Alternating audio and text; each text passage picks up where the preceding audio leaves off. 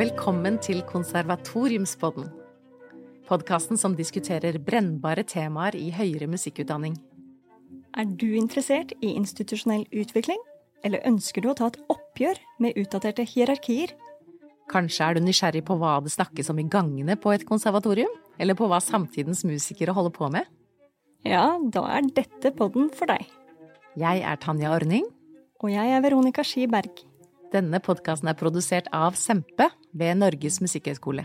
For alle som er interessert i høyere musikkutdanning. I dag skal vi snakke om den medskapende musiker.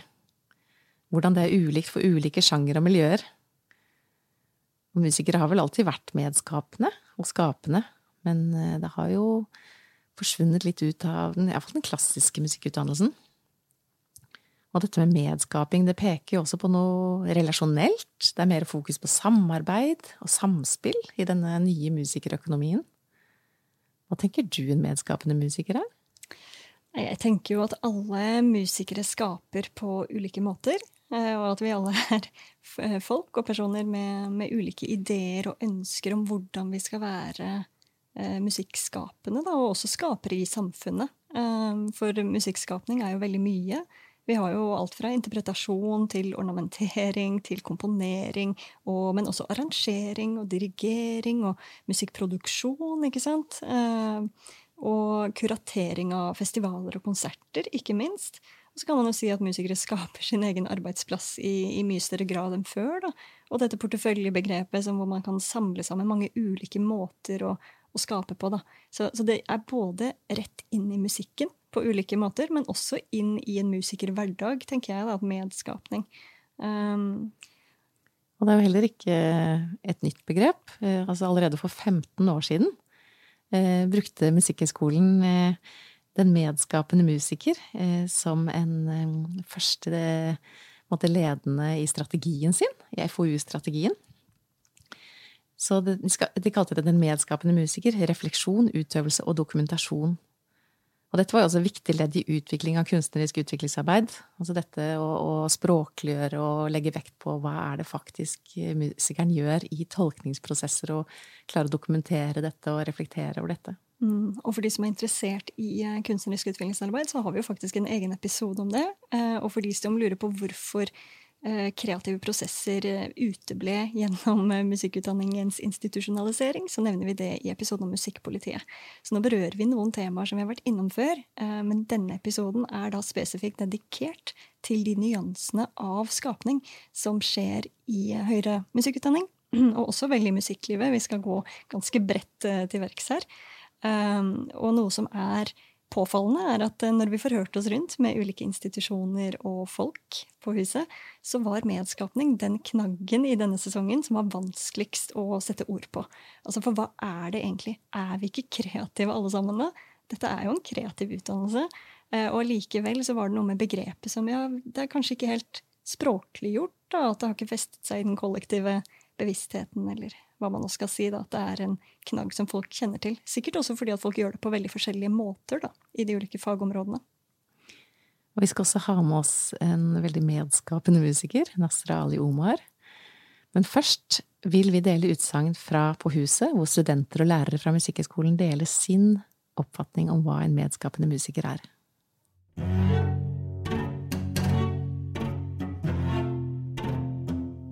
Hva betyr det å være en medskapende musiker? Um, en medskapende musiker tenker jeg handler om uh, Eller for meg så handler det sånn Jeg tenker på låtskriving, egentlig. Og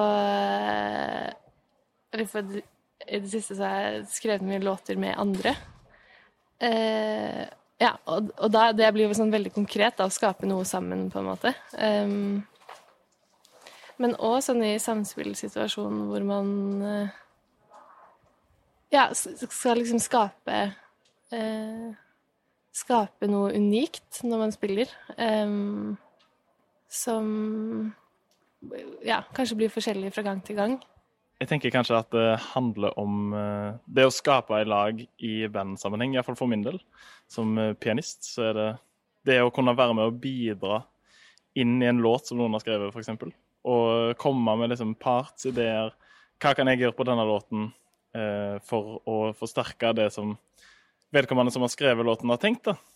Så for min del, og i bandsammenheng, så handler det nok mest om å formidle eh, videre. Og prøve å liksom forsterke eh, det, som, eh, det, som, er intensjonen i låten. Enten det er hvis det er tekst, eller hvis det er eh, instrumentalt. Så er det på en måte det å liksom bare skyve låten framover. Hva er det som kan, kan gjøre eh, at det låter mer helhetlig, at det låter tøffere, kanskje? eller å komme med sånn hva, hva, lydlandskap er det vi skal ha her? Hvor er det vi skal legge oss og ja, formidle en uh, sinnsstemning, kanskje? Sånn, ja. Jeg tenker at en medskapende musiker eh, Om man tar musikken og gjør den til sin egen, da er det at man liksom Eller det henger noe med ihop med interpretasjon, tenker jeg. Og hvordan man liksom kanaliserer musikken Og det tenker jeg sker liksom i flere steg i liksom processen av å kjenne verket. Og kanskje antingen at man prøver å sette seg inn i hvordan tenkte denne komponisten under denne tiden når denne musikken ble skrevet, eller när det blir, nu, låter, nu låter vi så filosofiskt men men jeg tenker at det er at eh, man får lov at eh, ha sin egna inngang i det. Ja, det finnes jo noen filosofiske perspektiver faktisk i det å tolke musikk. Og er du interessert i å vite mer om det, så finnes det faktisk en bok som heter Å tolke musikk. Den er relativt ny, og vi legger den i kildene som vanlig til podkastepisodens eh, nettsider. Eh, men det er noe Jeg syns det er noe veldig vakkert med det å forsterke kunstnerens intensjon. Og man er jo en kunstner selv når man gjør dette. Altså interpretasjon og fortolkningslære og alle disse eh, pene begrepene som vi ikke alltid bruker i språket vårt. Det handler jo nettopp om det å se sin egen styrke, og styrken i den kunsten som man tolker. Og så gjøre, den, gjøre noe med det, da, og ta din egen profil og, og, se det lydlandskapet, og hvordan det treffer deg. Altså, det er en refleksjonsøvelse, dette her, å skulle skape kunst. Det var veldig interessant hvordan eh, helt konkret det medskapene ble tatt frem i den eh, i han jazzpianisten ja. som snakket. At det å komponere sammen og bidra til andres komposisjoner er en sånn helt konkret ting som skjer i praksis. Så når de øver, så komponerer de jo egentlig. Og dette er jo veldig lignende når man går i, i studio og produserer noe. Eh, så det å komponere og skape noe, dette begrepet er jo utvidet veldig de siste årene. Så den dikotomien mellom utøving og skaping eh, blir utfordret. Jeg vil nevne et prosjekt som eh, Kulturrådet eller Kulturdirektoratet har som heter Skapende praksiser, hvor du rett og slett forsker på det. Det er et forskningsprosjekt hvor det ser på hvordan det skapende skjer forskjellig i ulike sjangere. Og ser på hvordan i folkemusikken det å tradere og lære seg en slått, og så gjøre den til sitt eget, har et veldig skapende element. Så gjennom utøving så skjer det skapende. Også hvordan i studio, hvordan du produserer, og folk kommer inn med liksom en helt spesiell sound eller effektbox eller en stemme, så er det også en komposisjon, eh, en komposisjonsprosess. Så dette medskapende og skapende, dette er et begrep som virkelig er i forandring, og, og som får mye større bredde nå i hele musikkdiskursen. Mm. Ja, for det er jo en feilaktig dikotomi at det er komponisten på den ene siden og utøveren på den andre siden. Skap skapelsen skjer jo i relasjonen. ikke sant? Og på samme måte når et band kommer sammen, og noen legger til diskant og noen har bass, og man tar med seg sine egne styrker da, inn, i denne, inn i det lydlandskapet og skaper noe sammen. Og eh, det å komponere eller jobbe, uansett om det er noter eller i studio, eller hvordan det er, så er det jo det relasjonelle som står i fokus, tross alt. Den medieringen som skjer mellom ulike typer musikere, da, rett og slett. La oss høre videre. Hva betyr det å være en medskapende musiker?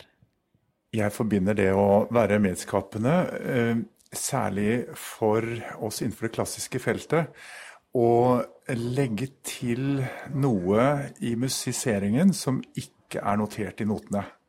Det vil si at når vi får et stykke barokkmusikk foran oss, så er det å legge på forsiringer, ornamenter, eh, gjennomgangstoner, utsmykke musikken, er en måte å være medskapende. Men ikke minst da syns jeg det er spennende å se på mulighetene innenfor den romantiske perioden. Det å velge tempo, artikulasjon og, og karakter og virkelig utfordre musikken, eh, og ikke bare spille notene. Eh, det syns jeg er en kjempespennende utfordring, som vi eh, er stadig mer på, på glid mot nå i vår tid. Å la den romantiske musikken igjen få lov til å leve med alle de nyanser som ikke står notert i notene. Jeg tror å være medskapende musiker, det må være å, eh, å være med og backe eh, de andre musikerne. Og heie på dem og respondere på det de gjør. Og, eh, og gi impulser og få impulser. Og bare liksom det er som å ha en samtale, på en måte. En god samtalepartner og en god medmusiker. Det tror jeg det. Ja, det kommer litt an på i hvilke sjangre man uh, opererer i, tror jeg. Men uh, for meg så ligger det i det begrepet å rett og slett ta ansvar for den musikalske situasjonen på en eller annen måte. Uh, hvis man er jazzmusiker eller jobber med rytmisk musikk på en eller annen måte, så er kanskje det medskapende kan også handle om å være autør, altså være opphavsperson til noe musikalsk materiale som man, eh, som han utfolder sammen med andre. Som klassisk musiker så kan det være å, å kuratere konsertene, som sørge for en programsetning. Det kan også bety å, å analysere og, og, bruke interpretasjonen kreativt og søke etter muligheter og liksom ta litt mer eh, eierskap til det. Da. Og, og at kanskje en større personlighet eller identitet, signatur, trenger fram i materialet. Ja, her var det mange spennende stemmer. Eh, de snakket om å ta plass i musikken, gjøre musikken til sin egen, ta ansvar, være mer aktiv. Eh, Are Sandbakken sa jo ikke bare spille notene. At det er masse fremføringspraksis som ligger eh, i fremføringstradisjonen, som vi også har mistet. Så det går tilbake og ha mer radikale interpretasjoner. Og dette henger jo veldig sammen med verktrøyebegrepet, altså verktroskapen, hvordan vi også er veldig oppdratt til å være lydige musikere. Partituret står veldig høyt. Eh, vi skal gjengi komponistens intensjoner og, og ikke ta, eh, ta, så mye plass selv. Men dette er jo i ferd med å endre seg. Og vi ser jo masse radikale interpretasjoner etter hvert. For eksempel er det jo og Gunnar som har laget dette Schubert-prosjektet sitt. Eh, vi har Eimi Buenes også som, har, som synger Schubert som sånn singer-songwriter. Vi har et fint fag på Musikkhøgskolen som heter Da er nå, eller egentlig prosjekt, hvor de har litt radikale rekomponeringer og improvisasjoner over gammel musikk for å se hva, hva er det som kan tas av kvaliteter og settes inn nå i vår tid. Og dette er jo eh, på en skala fra eh, ja, være ganske kreativ innenfor eh, fremføringspraksis og, og, tradisjon, til å behandle komposisjoner kanskje mer som et teater Rett og slett, hva heter det? Teater... Stykke? Teaterstykke, ja. ikke sant? At det er utgangspunkt. ja. At selve teaterstykket er utgangspunkt for en interpretasjon, sånn som vi ser. Ja. Så hvordan kan dette realiseres nå i dag? Og vi har jo snakket om the performative turn uh, i en av de tidligere episodene. Og dette her uh, Altså, noe som jeg bet meg merke i da, i den, det vi hørte nå fra de på huset, var dette med å være en god samtalepartner. Det å backe hverandre, og det å være lyttende musikere At en går i samspill med hverandre. Uh, og det syns jeg er så utrolig fint. fordi når du er en god samtalepartner, hva gjør du da? Jo, du lytter. Eh, men så har du lov til å ha en stemme òg. Eh, men du må respondere på en måte som viser at du faktisk har lyttet da, til det som har blitt sagt. Og jeg, selv så er jeg veldig glad i å lese. Eh, og innimellom, når jeg leser en skikkelig god bok, så føler jeg at åh, det er som å konversere med noen på tvers av rom og tid. På tvers av kulturer, på tvers av eh, opplevelser. Og det bare det rommer så mye, da. Og det samme gjelder jo i musikken også. Så det å ta inn over seg musikk som man blir eksponert for, og så lytte. Og så kan du selv ha en stemme i møte med dette og konversere eh, på tvers av tid og rom. Og liksom gjøre noe mer med det. da, Og tørre å være en god samtalepartner i det. Og backe hverandre. Og ta kunstneriske valg. altså Igjen det med eierskap som du nevner, det ble jo nevnt eh, en, hel, en hel del klokt, rett og slett. Jeg tror dette medskapende musikerbegrepet kommer inn som en nødvendighet for å aktivere kunstnerne mer. Mm. Og dette skillet mellom skapende og utøvende, som vi har hatt eh, i terminologien, har jo også mange ideologiske og økonomiske konsekvenser. Altså mye står jo på spill eh, for de skapende. Altså det er jo profesjonsstolthet, det er jo penger, ære og makt ved å være en komponist, eksempel. Mm. Så når de fleste utøvere begynner å komponere, så er jo det også eh, skaper det ja. endringer i sånne typer strukturer. Der er vi jo tilbake i forskyvningen av makthierarkiene, eh, som vi også har snakket om tidligere, og som skal, vi skal snakke mye mer om senere i sesongen. Og i denne episoden skal vi snakke videre om disse tingene. Altså eh, rent sånn systematisk hva er det som jobbes med når det gjelder skapende prosesser i høyere musikkutdanning, og også overgangen da til arbeidslivet, liksom touche innom det. Men aller først så skal vi snakke med vår gjest, som er en særdeles medskapende musiker. Denne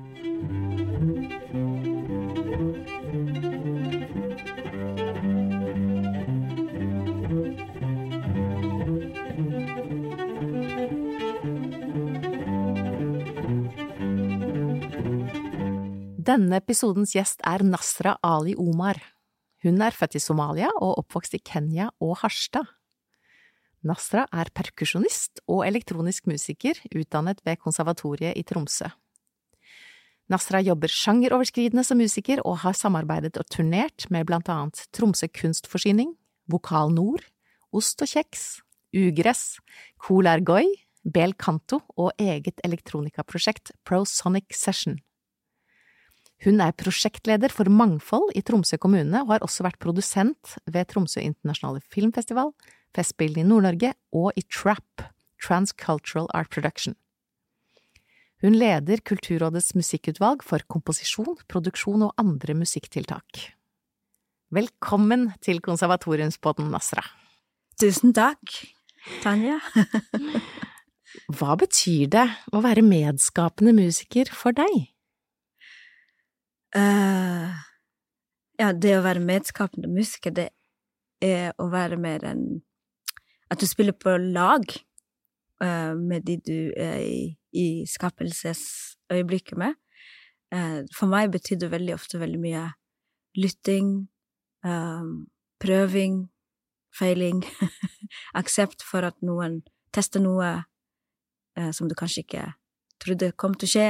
Det er det som spiller Det er ikke som å spille tennis, men det er mer som å spille fotball, kanskje, eller håndball, ballspill, der du må være en plass der de, du gjør deg spillbar, eller du spiller med, og du er innafor eh, rommet som skapes. Ja, litt sånn. Mm. Så du må se, høre. Jeg bruker veldig mye synet, har mye å si. Det å ja. kunne se de man spiller med, i en sånn medskapende prosess. Hvis man spiller, og så er det jo selvfølgelig noen ganger så sitter man og skriver sammen, og da er det å kunne kludre over sette strek, begynne på nytt. Ja, de prosessene. Ja. Og kan du nevne noen eksempler fra din, eh, ditt musikerliv som er medskapende prosjekter? Ja Det er veldig mange. Det er spesielt kanskje en som er veldig spesiell, for det var i, mens jeg var student, så drev en eh, forsker og forska på hvordan få musikere til å spille sammen på tvers av hva skal man si, kontinenter. Og han satte vel opp denne uh, verdensopera, der man kunne overføre opera til kinosaler, ikke sant, og så kan man se opera live fra Metropolitan og sånn. Det var en del av den teknologien. Uh, og i forbindelse med det så ble vi invitert til å spille sammen med musikere i Singapore. Mm. Så det satt en i Singapore, og så satt vi i Tromsø, og så satt uh, en i uh, Om det var i Seattle eller et eller annet sted. Så med tidsforskjell, tid, forskjellig tid på døgnet noen hadde, Vi hadde nettopp stått opp, noen skulle legge seg, noen var midt i dagen, men så skulle vi improvisere noe som vi hadde fått skrevet, da. Uh, og ensemblet bestod av vokalist og instrumentalister og, litt, og strykere. Og så skulle vi gjøre noe i lag, og det var utrolig spesielt å sitte i det rommet i Tromsø og skape noe som publikum hørte et annet sted, som ikke vi visste hvem var, og alt det der. Synes det, det, satte, det, det syns jeg var kjempeartig. Det husker jeg fortsatt. Ja. Den følelsen av å, å høre fiolin, men ikke kunne se det. Nei. Hvorfor er eh, dette med medskaping så fremme i utdanningsdiskursen akkurat nå, tror du? Uh, det er et veldig bra spørsmål, og det er også veldig interessant. Jeg er interessert i det sjøl, for jeg er jo utdanna musikklærer også, musikkpedagog. Og jeg har aldri forstått konseptet av å sitte i et rom alene og spille et instrument. Det har jeg aldri skjønt. Um, vi mennesker, vi spiller musikk sammen. Um, så jeg hadde store vansker med å komme inn i kulturskolen og undervise slagverk til barn i 22,2 minutter, eller hva det var da. Um, og jeg tror barn i dag har opplevd det her med å, å ha samhold på en helt annen måte. De, de har det globale så tett på seg. De er vant til at det, det er mye bråk rundt seg hele tiden. Så jeg tror det er en naturlig motvekt til den derre 50-årspraksisen at nå begynner vi å tenke kanskje at å, kanskje vi er Vi må lage systemer der vi er sammen mer i, i utøvelse av også kunst, og særlig musikk. At det er et krav fra kommende generasjoner. Mm. Det der med å samskape, samhandle, sameksistere. det tror jeg. Så jeg tror Og jeg tror ikke det trenger å være en trussel mot den der klassiske måten å undervise musikk på, man har fokus på instrumentalister og individuelle instrumenter. Jeg tror det kan styrke For du lytter annerledes, du oppfører deg annerledes, du spiller annerledes, du får en annen tilnærming til musikk når du er i rom Mm. med flere. Særlig hvis du skal spille slagverk. Det er ufattelig kjedelig å sitte og klimpre på trommer alene. kan være. Hvordan kan vi tilrettelegge bedre da innenfor musikkutdanningen eh, for at det skal foregå mer medskaping? Um, det er sikkert mange svar hvis man begynner å gå inn i det, sånn dypt inn i det. Men jeg tror um, å legge til rette for at uh, man kan spille sammen under ledelse av en lærer over lengre tid, for eksempel. Uh, at gode musikere, gode instrumentalister, kommer sammen og spiller i lag, at det er en del av faget. Jeg vet ikke om det foregår noe i musikkutdanning, men at det satser mer på ensembler og, og mer på den slags, kanskje. Og så mindre fokus på teoretisk gehørtilnærming, men mer praktisk gehørtilnærming. Hører du musikk, så burde det være nok. Um, jeg hadde jo den når jeg kom inn i musikkonservatoriet, så hadde ikke jeg den klassiske bakgrunnen. Jeg kunne ikke noter så godt som mine samtidige. Men jeg forsto musikk minst minst bra med, som dem, like bra som dem. Mm. Um, jeg kunne bare ikke skrive det eller lese det, Mm. men jeg forsto hva det, det var snakk om. Mm. Så jeg gikk et år ekstra i lag med Hilde Blikk, som gjorde en fenomenal jobb for å sluse meg inn i det her gehørprøve og teoriprøven og sånn. Mm. Eh, og det er jeg veldig takknemlig for i dag. Men, eh, men jeg tror vi må åpne opp for at musikk er mye mer enn det skriftlige hele Mm. tiden. Mm. Musikk er også det du hører, det du føler, det, du, det som treffer noen. Det er også en opplevelse. Så jeg tror kanskje mange Det er mange dører som må åpnes kanskje samtidig for å tilrettelegge for medskapende Mm. prosesser i utdanningen. Er det ting du selv eh, ønsket deg under utdannelsen for å bli mer medskapende selv, eller som du tenker nå i ettertid? Ja. Ja, jeg, jeg savner fokus på mitt, min, mine røtter. Jeg savner fokus på uh, hvem var jeg? Det, det var aldri nysgjerrighet rundt det. Uh, i, I løpet av hele utdanningen så ble vi bare implementert med den vestlige musikken og den vestlige musikken som var så fremmed for meg, men Mm. også veldig spennende fordi det var så fremmed, da. Men det var mange ganger jeg husker at jeg slutta. Jeg gikk der for jeg tenkte at det det, kjenner meg ikke igjen i. Det treffer meg ikke. Mm. Uh, og min lærer Guri var jo flere ganger på hybelen og banka på og fikk meg ut. Og du skal gjennomføre! Mm. Du skal på skolen. Så begynte vi å dykke litt i, i andre, altså, eh, andre type musikk, sånn som samtidsmusikk. Der fant jeg litt preferanser. Mm. Eh, mye slagverk som er skrevet av eh, Per Norgård, for eksempel, tar inn det asiatiske elementet, andre instrumenter. Mm. Så jeg fikk liksom vokse opp på det, da. heldigvis. Men de var årvåkne, og de var veldig flinke til å lete og til å finne, hjelpe meg å finne min identitet oppi alt det her Mm. uh, som foregikk, da. Så jeg savna, jeg savna fokus på afrikansk, vestafrikansk stil, jeg savna fokus på jazz, selv om det var der, men det var sånn to kapitler i boka om Mm. det, ikke sant. Noe som er så stort, og som har betydd så mye. Mm. Hvilke råd vil du gi studenter og lærere som ønsker å være mer medskapende? Um, vær nysgjerrig er det første. Vær Nysgjerrig. Uh, ha rom for å akseptere kanskje det du ikke forventa skulle skje. Eh, ta imot og gi. Det handler masse om å gi. Du må gi veldig mye av deg sjøl i en sånt rom også, for å kunne ta imot. Så eh, del. Lek. det er jo lek. ja. Ja. Og for å ta dette opp et samfunnsperspektiv, eh, hvorfor er det så viktig med medskapende og skapende musikere og kunstnere i samfunnet?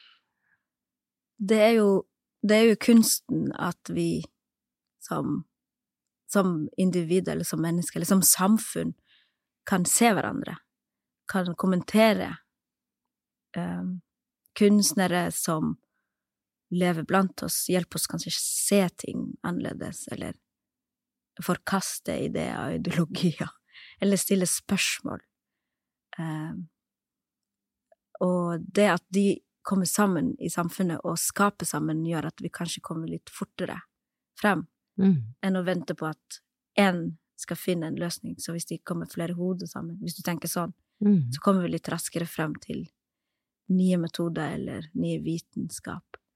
Så derfor syns jeg det er viktig at det Hvis du tenker sånn, da. Hvis Ja, jeg ja. forsto spørsmålet ditt riktig, så jeg det er viktig at vi har rom for kunstnerisk medskaping, og, og i det rommet så åpner man veldig fort opp for andre, hvis du skjønner. Altså, når kunstnere kommer sammen på tvers av generasjoner og kulturer og kjønn og identitet og instrumenter og whatnot, Mm. så får man nye uttrykk eh, som kanskje blir værende. Punk eh, Altså, mye av den housemusikken vi hører i dag, er jo afrobeat-basert ting som møter punken i Storbritannia, kanskje med litt eh, dancehall-elementer, og så blir det en ny sjanger Mm. eh, som igjen vil bli noe annet, igjen blir noe annet. Så Mm. jeg tror det er viktig hvis man vil ha progresjon i, i samfunnet, at man åpner de rommene. Eh, med mindre man vil beholde, konservere, så, så må man bare fokusere på tradisjonen, Mm. det klassiske, og det går også på folkemusikk. Tradisjonen skal være sånn, og det skal framføres sånn, og det skal Ikke sant? Jeg hørte hun um, Sanskriti fortalte om hennes tradisjon der du nesten må be om tillatelse til ting på scenen. For det sitter noen guruer i salen, så må du se på dem, så må de nikke og, før du kan begynne å spille. Så det er litt sånn, og det er jo også på andre sida kontroll. Ja, ja. Så jeg tror eh, jeg, vet, jeg tenker verden går fremover, og vi får ny kjennskap og kommer litt fortere frem hvis folk handler sammen. Mm. Samhandler. Ja. Jeg tenkte på dette at du er klassisk utdannet, men kommer fra en helt annen musikalsk bakgrunn, og i den klassiske musikken så er jo det store spørsmålet hvor medskapingen ligger. Hva tenker du på det i forhold til at du har et partitur, da, for eksempel av Per Nørgaard foran deg? Hvor er det eh, din medskaping ligger i tolkning av det partituret? Uh, det er jo mye soloverk der, så det handler da først og fremst om meg og de instrumentene som er foran meg. Det er den første leddet i skapelsen. Og så er det de som skal høre på det. Så det er den der um, det å, Jeg husker når jeg var, når jeg var student, så handla det veldig mye om, om å se disse trommene som en del av meg, og ikke noe som er utenfor meg. Mm. Så jeg gjorde det til en greie med å spille Jeg måtte spille alt uh, utenat, fordi at jeg, den der lese og spille samtidig, den øvelsen, den er ikke jeg så glad i. Jeg føler meg distansert. Så alle eksamene mine her har stort sett spilt utenat. Og det har gjort at formidlingen har vært nøkkelen for medskapning. Det er hvordan at da forsvinner i det, eller blir i det som jeg holder på med Mm. Mm. og presentere det til publikum. Eh, det, der det, det er vanskelig å skape sammen med publikum, fordi det er jeg som gir fra meg noe. Mm. Og så får jeg kanskje respons. Uh, kanskje det er ondt.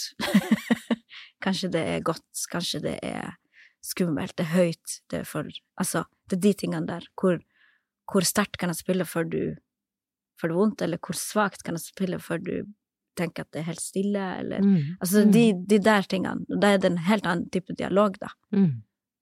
Hvis vi tenker eh, medskaping i et mer sånn utvidet perspektiv Altså, du er jo med i festivaler, styrer og så videre. Så disse valgene som tas eh, med kuratering, for eksempel, Mm. eh, kan vi tenke medskaping inn i denne sammenhengen også? Ja. Um, det tror jeg faktisk er et nødven, en, en nødvendighet hvis du driver en festival, for eksempel, eller du har en institusjon som skal drive med kunst. Ehm, det å våge, eller det å tvinge seg sjøl til å programmere eller kuratere ting som du kanskje ellers ikke ville ha gjort, det er mangfoldig praksis.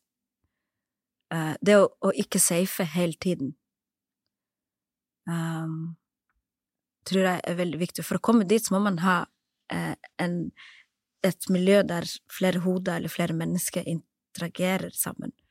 Eh, at man kuraterer for eksempel en scene ved å outsource det til en 22 år gammel teaterinteressert ungdom, og så sende dem på festival og si det du liker, det skal vi booke, for eksempel.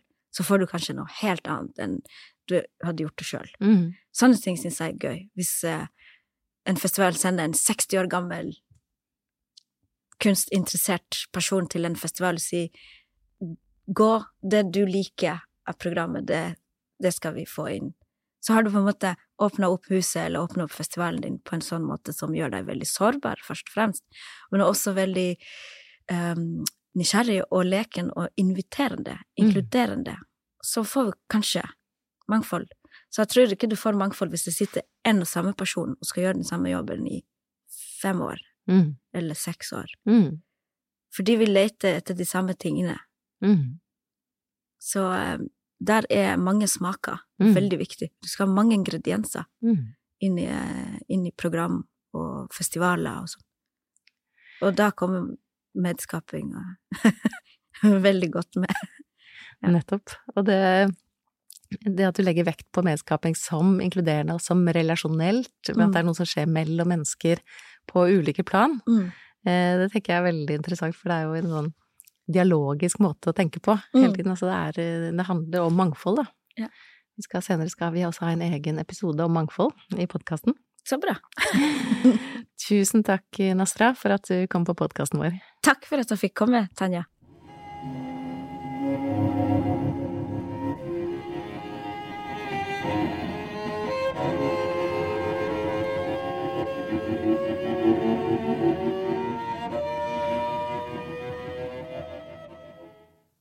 Her har jo Nasra snakket om mange ulike nivåer av medskapning. Eh, Både det helt konkrete å gjøre deg spillbar, se og høre, spille på lag. Men ikke minst hvordan musikerutdanninga bør fokusere på samarbeid, samspill og ensembler. Og dette er jo noe som gjøres i stor grad i høyere musikkutdanning. På rytmisk er jo det selve fundamentet eh, å spille sammen. På klassisk, klassisk har du kammermusikk. Eh, Det er mye prosjektarbeid. Eh, Det har jeg fått høre fra alle de høyere musikkutdanningsinstitusjonene vi har vært i kontakt med. På Musikkhøgskolen har vi musikken i perspektiv, hvor folk eh, har prosjekter, gjerne også tverrfaglige prosjekter, skapende prosjekter, hvor de blir kastet sammen og, og må være skapende på grunnlag av det de kommer med. Og gjerne samfunnsrelatert, at du har outreach, du drar til forskjellige steder ute i byen, det være seg eldresentre eller kirker eller eh, steder for eh, hjemløse. Så, da, så bruker liksom musikerskapet ditt på helt andre måter. Um, og dette er jo så skapende på den måten at du, du må bruke dine kreative evner på helt andre måter enn å tolke et partitur. Mm. Ja, apropos å føre en god samtale, da. Det er jo mulig som musiker å være i samtale med samfunnet rundt seg. Eh, Det å kommentere på de, eh, den utviklingen som foregår, hva man ser selv er betydningsfullt, og så bruke musikken til å gå i dialog eh, og til å kommentere på ting. Og noen vil jo argumentere at dette er selve fundamentet for musikk. ikke sant? Det å fungere som en Ikke nødvendigvis som en motpart, men i alle fall som en refleksjonsøvelse. Da, at man kan bruke musikken til å, til å bruke sin stemme. Til å gå dialog med ting som er betydningsfulle. Eh, Og som du nevnte, vi har jo forhørt oss rundt, og de, på veldig mange musikkutdanningsfagområder så sier de at dette er selve kjernen i dette, er jo det vi driver med. Vi driver med medskapning. Mm. Om det er musikkproduksjon eller teknologi eller jazz eller rytmisk eller folkemusikk eller osv. Og, og så er det da dette ene området hvor medskapning som begrep eh, faller litt sånn mellom stoler. Rett og slett fordi jeg tror medskapning har gått for mye mot komposisjon. da. Eh, Men det finnes veldig mange andre måter å skape på, eh, og prosjekt, eh, dette prosjektfokuset det vrir jo dette til en nyanse som er mer tilgjengelig for absolutt alle. Nå er det ikke det at det å komponere ikke er mulig for klassiske musikere. Jeg er selv klassisk skolert og syns det er kjempegøy å komponere. Men det har blitt innført forsøk på å la den type Jeg vet ikke hva man skal kalle det. sånn, Det fokuset på det originale og liksom sånn, hvor det ikke nødvendigvis er det alle musikertyper eh, ønsker å gjøre, da, men at den dialogen med eh, kunst som allerede eksisterer, og setter sitt eget preg og sin egen signatur, og hvor det faller mye tettere på egen praksis. Og det er en veldig verdifull måte å medskape på. Var det ikke Trondheim hvor de innførte at alle bachelorstudentene spilte et egenkomponert stykke på eksamen? Jo, det stemmer. Det er jo helt fantastisk. Det er veldig, veldig fint. Og jeg vet ikke om det fungerte for absolutt alle. Jeg håper jo så mange som mulig tester ut denne type eh, medskapende prosesser. Da. Fordi at hvis man ikke blir eksponert for det, så finner man jo ikke ut om det er noe for en selv. Ikke sant? Og det er noe med å gi studentene muligheten til å teste ut ulike arenaer å skape på. Eh, Ikke minst kuratering, eksempel. Vi har også sett at improvisasjon har gjort et sterkt inntog eh, i all klassisk musikkutdannelse. Eh, Vi har sett eh, på Universitetet i Agder har de jo startet et eget hovedområde i klassisk musikk, hvor jeg faktisk underviste en god stund. Um, Der kan man ha det som rett og slett hovedinstrument. Og Musikkhøgskolen og de andre stedene har jo også mer og mer improvisasjon for klassiske musikere. Men i Agder så har de vel også nå at man kan velge et instrument nummer to. Altså du har lov til å ha to ulike fokusområder, og du kan ha et instrument, og du kan dirigere. Eller osv. Ja, og det har faktisk Musikkhøgskolen også innført i andre avdeling. Altså i tredje år så kan man eksempel ta cello og komposisjon. Det er jo fantastisk. Eller fløyte og Åh. cembalo. Jeg jobbet på et forskningsprosjekt for eh, det begynner å bli noen år siden nå, men da intervjua jeg studenter som hadde endra retning i løpet av studietiden sin, fordi de nettopp ønsket å favne bredere musikalsk. Eh, Og noe av det de på klassisk da sa og etterlyste, var det at i tillegg til et sånt orkesterfokus, så skulle de ønske at det kun, man kunne velge et kammermusikkfokus også. Eh, og det er jo nettopp mye mer sånn medskapende prosesser. da. Det finnes jo selvsagt orkestre som spiller uten dirigent, og hvor man er mye mer sånn demokratisk til verks der.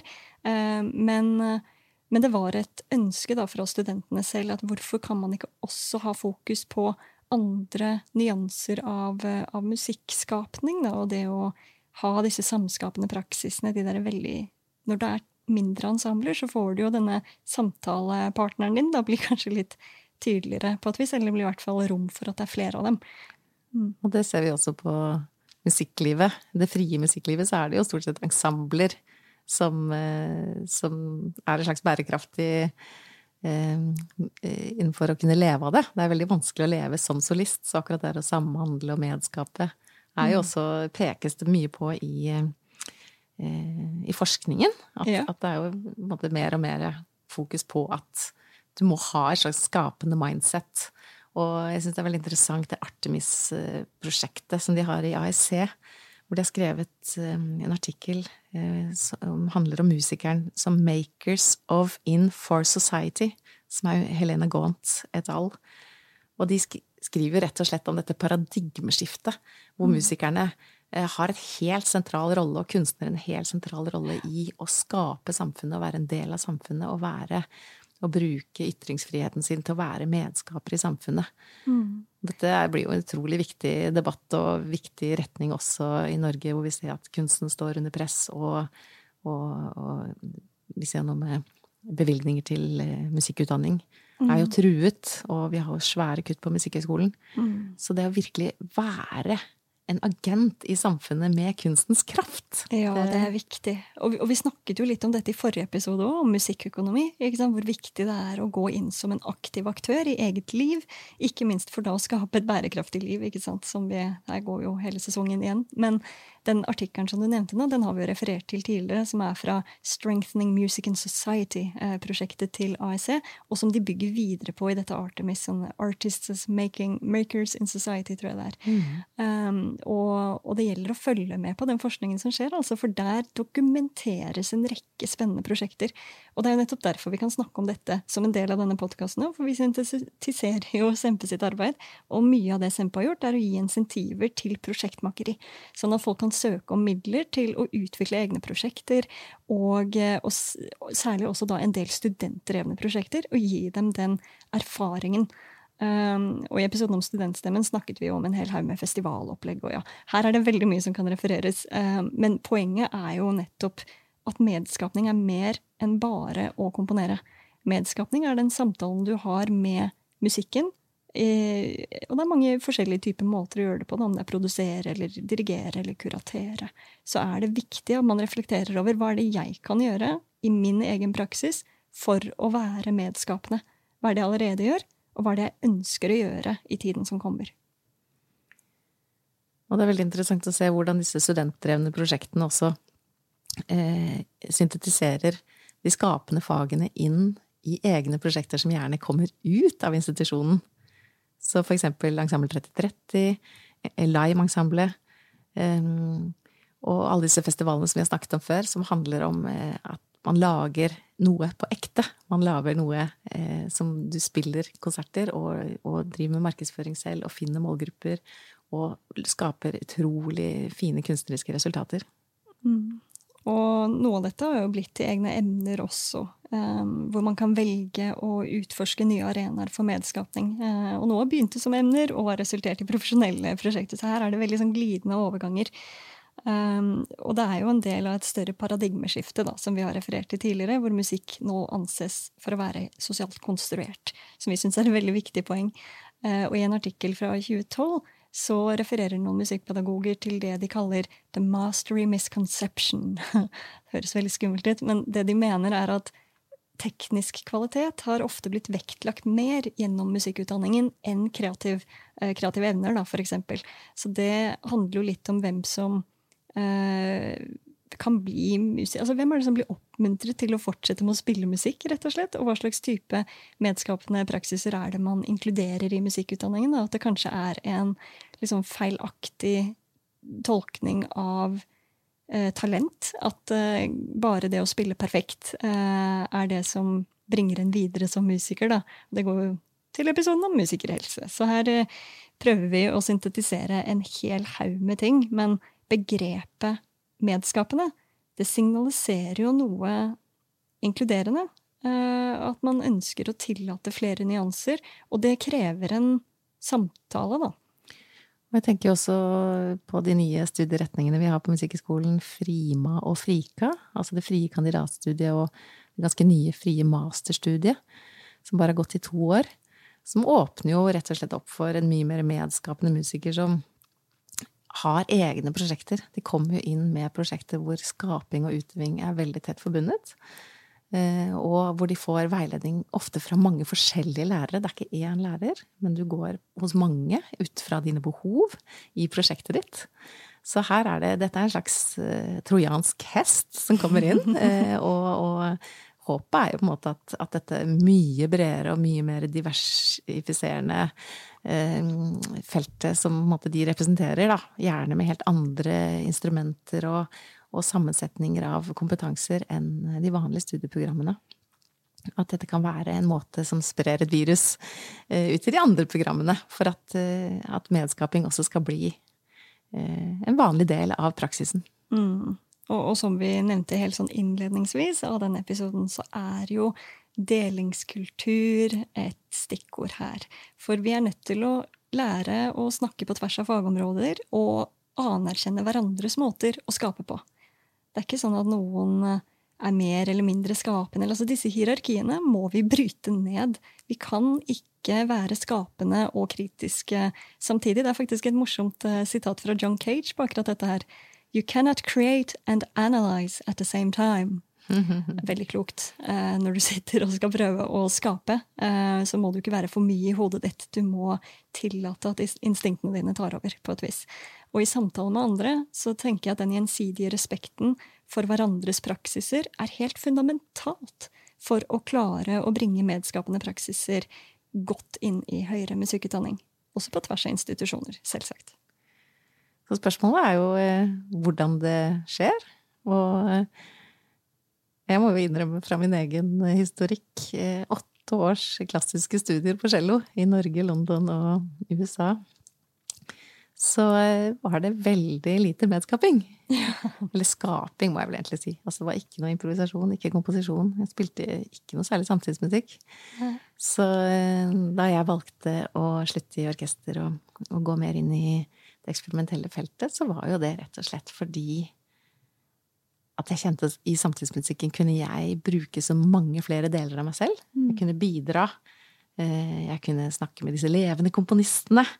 Eh, og den derre anerkjennelsen av at man har disse kreative evnene som musiker, og ikke bare er en sånn lydig, en lydig musiker som skal ja, selvfølgelig gjenskape og gjøre den fantastiske klassiske tradisjonen levende. Det er jo masse utrolig bra med den klassiske musikken. Men med samtidsmusikken så fikk jo min stemme en helt annen eh, styrke. Mm. Så den, eh, det var på en måte litt sånn game changeren for meg å begynne å spille samtidsmusikk og kjenne ja. at her var det Det var rom for hele meg. Oh. Og så etter hvert eh, mye mer improvisasjon og komposisjon selv, da, som er jo en veldig mm. sånn vanlig retning for den mer eh, mm. skapende utøver i dag, da. Så vi ser jo flere og flere av det. Også innenfor eh, konservatoriet og innenfor høyskolene. Ja, jeg tenker at det å konservere er ikke en motsetning til det å skape. Eh, fordi du kan skape ved å konservere også, ikke sant? Med å bygge, ved å være en god samtalepartner, ved å gå i dialog som, som musiker da, og kunstner. Um, jeg er jo klassisk skolert selv, flytist. Mm. Jeg gjorde om på notene hele tiden, til min lærers frustrasjon. um, så, og så endte jeg jo da opp som komponist. Men, og jeg tenker at hvis noen tukler med notene som du har laget, så er jo det egentlig bare en altså, Kan man ikke tolke det litt som en tillitserklæring òg, da? Kanskje litt radikalt å si. Ikke alle vil like det. Men det er det at noen blir inspirert av kunsten til andre, er alltid et godt utgangspunkt for en samtale og en dialog. Så jeg vil oppmuntre alle der ute som ønsker å bli mer medskapende, til å se på sin egen praksis, og i hvilke arenaer er det fint for deg å gjøre dette. Og så bare kast deg ut i det, gå i dialog, og skap musikk.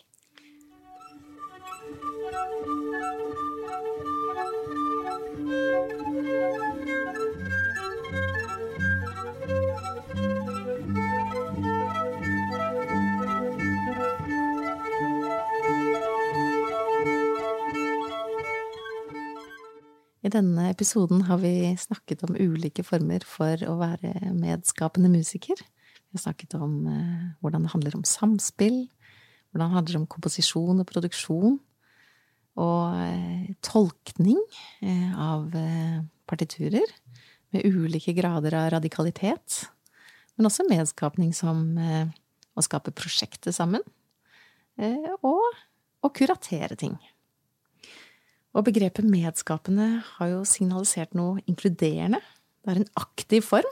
Medskaping er ikke noe man er, men det er en holdning man har. Det er noe man gjør. Og det sier jo noe om en musikertype som er kreativ og åpen. Og denne holdningen og praksisen åpner jo opp for et større bredde, en større bredde og et større mangfold. Ja, og det er veldig viktig, eh, for det snakkes mye for tiden eh, om dette i høyere musikkutdanning. Hvordan vi kan åpne opp for flere nyanser. Det henger jo veldig sammen med hvem som eh, blir inkludert, og hvem som blir ekskludert. dette er ting vi skal snakke om i neste episode, for da skal vi snakke om mangfold i musikkutdanning.